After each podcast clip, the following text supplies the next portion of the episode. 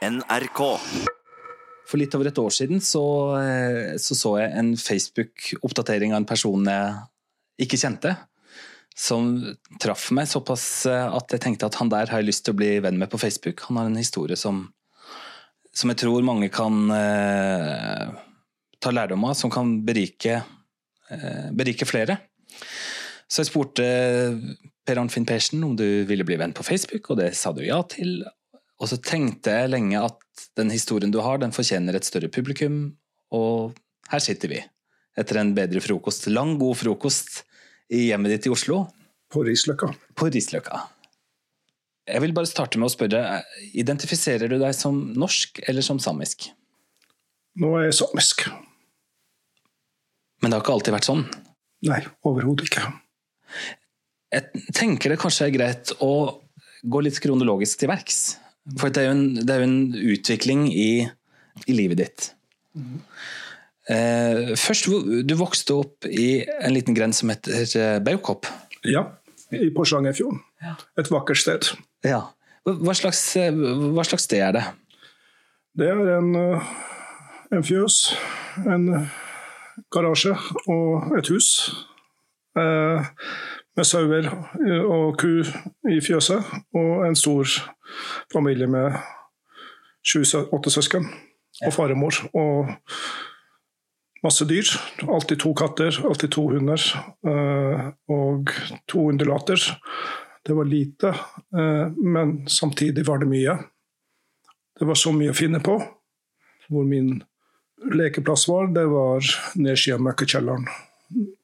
På fjøset der var det et samfunn uh, som ligna litt på Donald Ducks uh, Andeby.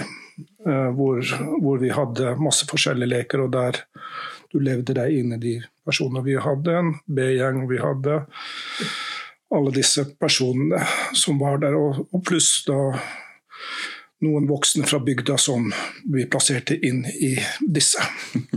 Der lærte jeg mye i Sandungen. Og du er født i 1961? Født i 1961. Ja.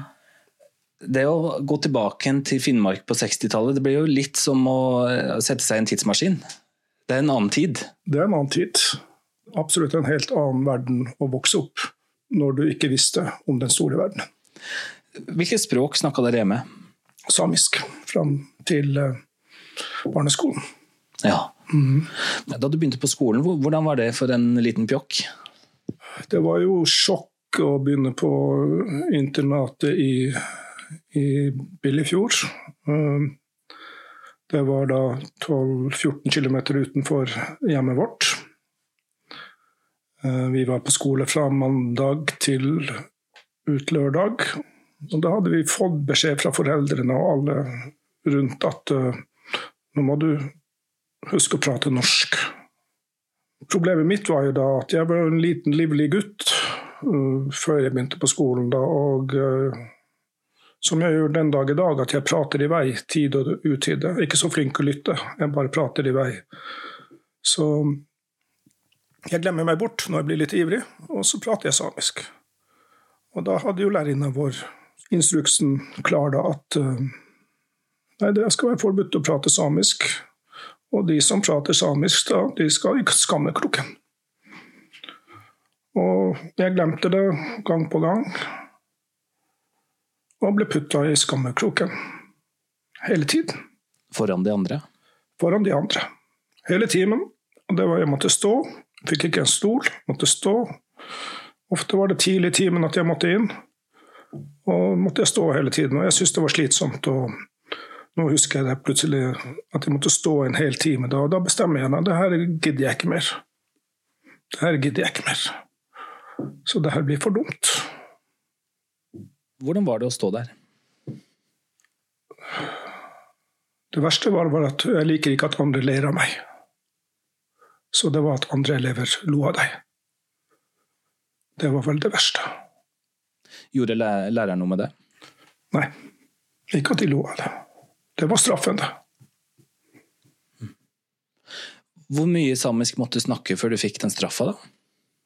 Det var ofte bare et par ord. Så det var det. Når, når fikk du straffa første gang, da? andre eller tredje dag, kanskje første dag allerede, på skolen. Det var ikke bare meg, det var flere andre elever. Noen fra Porsanger, for vi veksla om å stå i, i, i skammekroken, det husker jeg godt. Mm. Mm. Og ofte var vi to, vi måtte ta, stå i to forskjellige skamkroker. Men kunne du noen ord norsk i det hele tatt? Forsto du noe norsk? Nei. Jeg kunne ikke noe norsk. Det høres på mange måter uforståelig ut. At det var, at det var et system, at det var et, en instruks til lærerne. Ja, det var direktivene til uh, de unge vakre lærerinnene fra Østlandet. Og de gjorde bare jobben sin.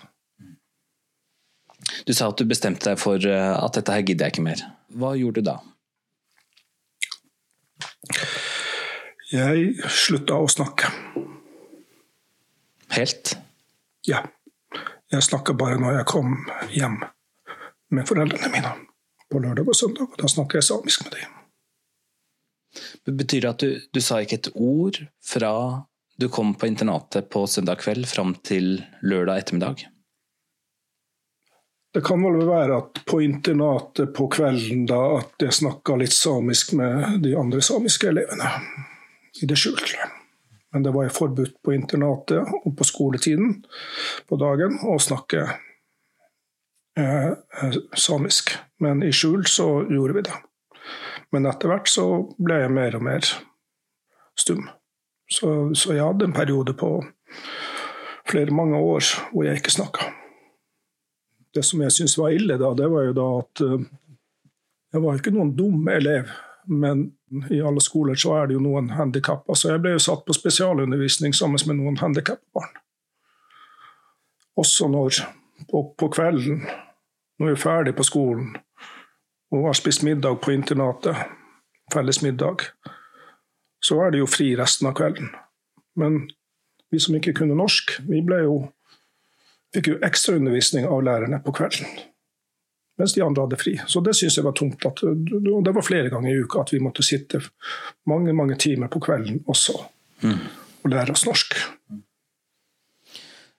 Når begynte du å snakke igjen, da? For fullt femte klasse. Begynte vel kanskje å snakke litt i fjerde klasse, men femte klasse. Og da snakker jeg bare norsk. Samisken snakker jeg aldri mer. Den er glemt. For alltid. Forsto du samisk når andre snakka, eller, eller, var det en fortrengning? Jeg forsto langt ut i tenårene hva det noen andre snakka samisk til meg, og så svarte jeg tilbake på norsk. Mm. Så hvis jeg hopper litt fram til sjette-sjuende klasse, da husker jeg bestemor mi gjorde et stort poeng da at hvorfor jeg ikke snakka samisk til henne. Og hun snakka samisk til meg, og så svarte jeg på norsk. Og hun var sint på mine foreldre ja. på det. Ja. For å hoppe helt fram til i dag, forstår du samisk nå? Uh, nei. Jeg prøver. Men Var det noe tidspunkt hvor du hadde en sånn erkjennelse av at oi, jeg får jo ting til? Ja, det var når jeg vel når jeg gikk i femte klasse. Da begynte jeg å snakke igjen. Og da husker jeg, da valgte jo skolen meg til elevrådsformann og alt det der, for da var jeg sjef igjen. Mm. På norsk. Er det noe du husker liksom spesielt fra skole og internattida? Er det noen sånne sanseopplevelser som du husker spesielt? Det var, det var hardt, tøft. Jeg vil kalle det som å være ute i naturen. Er du ikke sterk nok, så blir du spist. Det var rett og slett å være ute i en mild natur. Og du måtte være på tå hev på vakt hele tiden. Mm. En kamp? En kamp. Mestra du det? Både ja og nei. Noen kaller meg for en sta jævel. Men jeg vet jo om det er mange som har ikke klart det. Det er å bukke under. Mm. Kalte du deg sjøl norsk eller samisk da du gikk på skolen? Jeg sa jo at jeg var norsk. ut i voksen, eller mot voksen alder, så var jeg norsk. Det er jo så enkelt da at når du går fra en øy til en annen, og det ikke er noe bro lenger mellom de, så har de forlatt den andre øya. Mm. Den samiske. Så nå var jeg på den norske øya. Mm. Så den andre hadde jeg nå lagt bort. Som en lydig person jeg alltid har vært. Så jeg gjorde jo bare det som ble sagt. Mm. Det må ha vært utrolig vanskelig for, et, for en ung gutt. Eh, høre samisk rundt deg, tvinges til norsk på skolen. Eh, I etterkrigstida i Norge. Det må ha vært en forvirrende tid? Ja. Min far og mor sa nå skal du gjøre det, og nå skal du gjøre det. Og læreren sa nå skal du gjøre det. Så jeg gjorde bare det som ble sagt. Jeg var ikke en av de som protesterte. Når du vokser opp, og så lærer du av staten å fornekte og forglemme og fortrenge. Husk at dette her var et system satt i gang av staten sjøl mot en del av befolkningen i Norge. Det er det ubegripelige.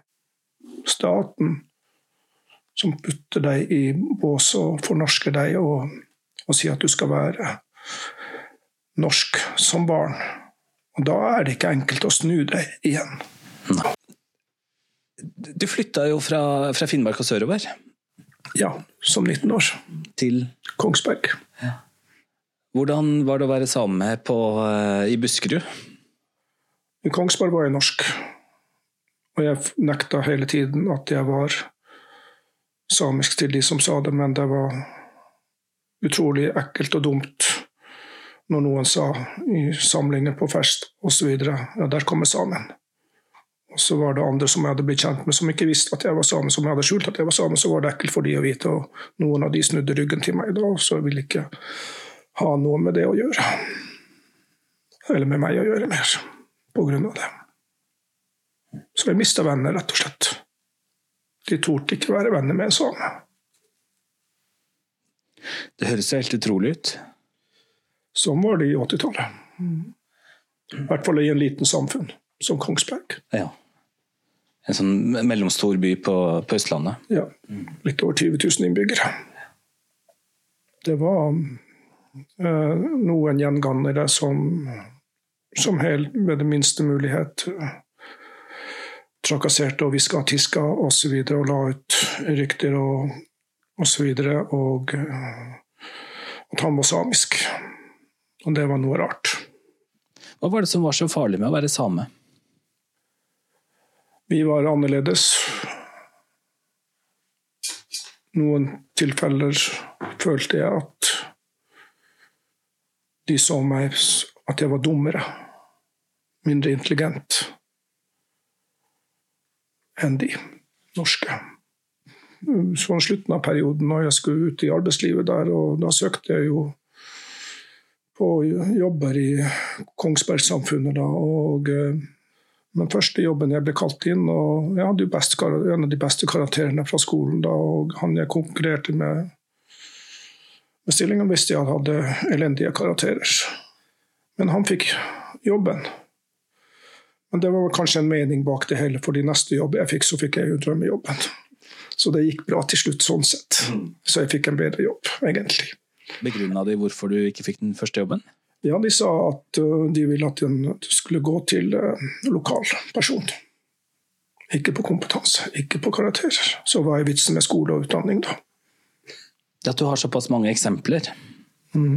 fra egentlig den første fase av livet, og at bli med deg videre inn i ungdomstida, tidlig voksenperioden. Hva, hva, satte det i gang hos deg da du bodde på Kongsberg? Det, hvor, hvor, dramatisk ble det for deg? Ja, forvirrelsen, at jeg var forvirra. Eh, jeg var vel i vertigo, som Bjørn Eidsvåg synger så vakkert. Visste verken opp eller ned. Jeg går over den vakre Lågedalselven en kveld da, og, og jeg vurderer Står der lenge. Lenge, lenge. Og jeg hadde bestemt meg at nå hopper jeg ut i elva. Jeg tror det var flom i elva. Fossen var i hvert fall ganske kraftig, så den hadde slukt meg. Men så er det jo Jeg vet ikke om jeg ikke tror jeg på Gud, da, men, men eh, jeg sto nå der lenge, da, så, så, så, det var ikke helt svart. For jeg hadde jo noen gode venner og, som var utenbysfra, og venninner som var fra Kongsberg. da, Så var det jo ei dame da som plutselig roper opp 'Per, Per! Her! Jeg er litt etter deg!' Og da skulle jeg akkurat til å hoppe ut. Så det Jeg tror ikke jeg fortalte de henne hva jeg hadde tenkt å gjøre. Skjønte hun det? Det tror jeg heller ikke. Så hun redder deg? Sånn tilfeldigvis. Sånn tilfeldigvis. Det er noen lykkelige tilfeldigheter i, i livet òg. Ja. Så året etterpå flytter jeg fra, fra byen og inn til uh, Oslo. Når jeg slutta i jobben i Kongsberg, så jeg må jo si da at min arbeidsgiver var jo helt fantastisk. da. Den beste arbeidsgiveren jeg noensinne har hatt. og Svære firma der, og, og med en gang lille meg da sier opp og sier at jeg skal flytte til Oslo, så kommer jo direktøren sjøl i det 4000 ansatte. Så kommer han sjøl ned og prøver å overtale meg til å bli. Fordi vi tror på deg. Men jeg måtte ut av det mobbesamfunnet. Men det at du får et, en sånn erkjennelse Man vokser på sånt? Ja da. Ja da.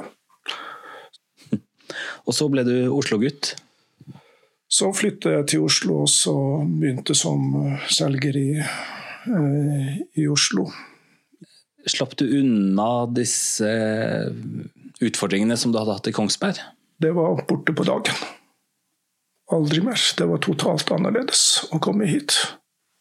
Første tida jeg kom til Oslo, så var det jobb og piker, vin og sang, som man sier. Jeg oppdaga voksenlivet. Lille Smuget var bl.a. en stamsted hvor jeg da uh, møter min kone. Mm. Toril, du har sittet og hørt tålmodig på uh, samtalen til nå. Jeg har hørt mange ganger òg. Ja, du har det. Hva slags kar var det du eh, traff? En finnmarking som jeg tenkte var same, men som ikke snakka om at han var same. Jeg spurte han heller ikke, da. Mm. Hvorfor tenkte du han var same, da? Han så ut som det. Og dialekten også, da, egentlig. Alt han fortalte, passa jo med det, bortsett fra at han sa ingenting om at han var same. Spurte hun, da? Nei. Ikke først. Ikke før etter noen måneder. Vi ble, ganske, vi ble jo liksom sammen med en gang vi møttes, egentlig. Vi var jo voksne. 31 var jeg, og han var 30. Men eh, det gikk noen måneder faktisk før jeg sa det at hvorfor, bare, hvorfor sier du ikke bare at du er same? Jeg skjønner jo det. Hva er det som er gærent med det, liksom? Da, da var det full krise hos han. Han mente at det var ikke greit å si, og det var uh, Nei, han hadde forestilt seg at folk ikke likte det, og at jeg ville ikke ha han, da. Hvis han, kom, hvis han sa det. Så han var forknytt, han visste ikke hvordan han skulle komme fram med det. Var det sånn du opplevde det òg, eller? Jeg var jo redd for å miste henne. Så, så det var jo helt umulig mm. å innrømme det. Mm. For det jeg hadde jo kjent på den smerten tidligere. Man var dårlig menneske. Ja, man var litt dårligere? Ja, jeg var dårligere. Jeg var lavere i, rang, i hierarkiet. Mm. Men det at uh, Toril sa det hun gjorde sånn sett, da mm. Hva gjorde det med deg? Ja, hun lirka jo det fram gjennom flere år. Og fikk meg til å akseptere det mer og mer. Så hun var jo den nærmeste og klarte å få, få, meg til å akseptere det. Måtte nesten være litt terapeuten hans for å få han til å akseptere det. At han eh, var faktisk like bra, og at det er ja, snu det til noe positivt, da. At det faktisk er eh, At du skal være stolt av bakgrunnen din. Fikk jeg han til å skjønne. Jeg husker jeg ble helt varm i kroppen.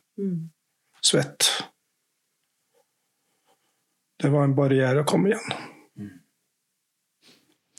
Men det å kjenne at man er akseptert Ja, så når, når det var Ja, så den, den var jo da når jeg visste da at hun ikke skulle gå fra meg, da, så at jeg innrømte det, så var jo det den varmen jeg fikk etterpå, da. Så det var jo herlig. Da var det behagelig. Hvor takknemlig er du i forhold til henne, da? Ja, det har jeg blitt hele livet. Og fra, da, fra jeg møtte henne, da, så har jo bare alt som har gått oppover, oppover, oppover. Og ingenting har vært umulig. Men da begynte jeg også å fortelle til andre folk. Etter den barrieren var brutt, så kunne han fortelle til andre folk om livet sitt, om barndommen sin, om ikke sant? hvor fint det var, mye fint det var og sånn. Men alt hang jo sammen med samisk, så jeg måtte jo si det òg. Har du noen gang nekta for at du er samisk etter det? Nei. Det måtte denne erkjennelsen dypt inne seg, som satt veldig, veldig dypt. Hvis vi hopper fram til i dag, da, hvor, hvor står du i dag?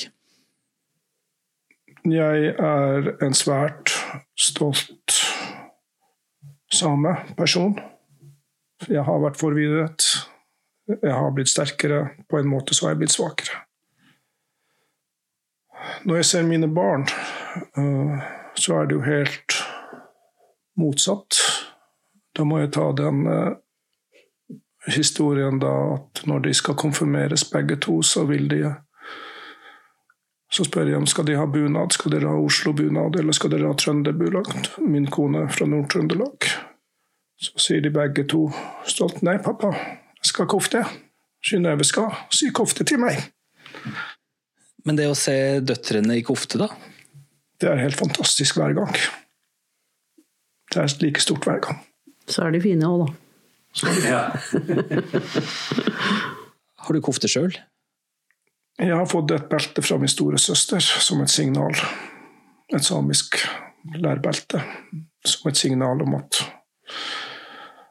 uh, Få på plass. Så jeg er i prosessen, så jeg vet akkurat hvordan den skal se ut. Så en vakker dag før jeg dør, så skal jeg klare å, klare å komme dit. Men det, det, er en prosess. Men uh, hvis jeg hadde hatt den her nå, så hadde jeg tatt den på. Sier du det? Ja. Tror du det ville vært en ny seier hvis du hadde klart å ta på deg kofta? Ja, da er vel man i mål. Det er vel den siste brikken som faller på plass. Har du noe behov for å ansvarliggjøre noen? Altså, nå har vi en, en sannhetskommisjon som er satt ned. Ja. Ønsker du å snakke med de? Ja, jeg kan gjerne, jeg kan gjerne snakke med med, med de. da, så Dagfinn Høybråten, hvis du hører på meg, så jeg kommer gjerne og besøker deg over en kaffe eller to. Hva er ditt råd til de som eventuelt måtte sitte og høre på, som har en eh, lignende historie som du har, eller som kjenner seg igjen?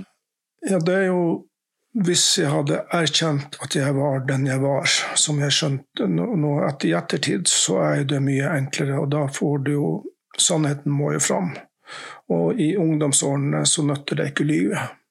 Så hvis jeg hadde sagt at her er Per Persen og jeg er fra Porsanger i Finnmark og jeg er sjøsame, så hadde jeg tror jeg blitt godtatt med en gang. Kanskje. Det forteste, det eneste som hjelper, det er å erkjenne. Man må kjenne identiteten sin. Du møtte Per Arnfinn Persen og Toril Fisknes. Jeg heter Svein Lian. Dette er Tett på av NRK Sápmi. Programmet er produsert av 1 til 1 Media.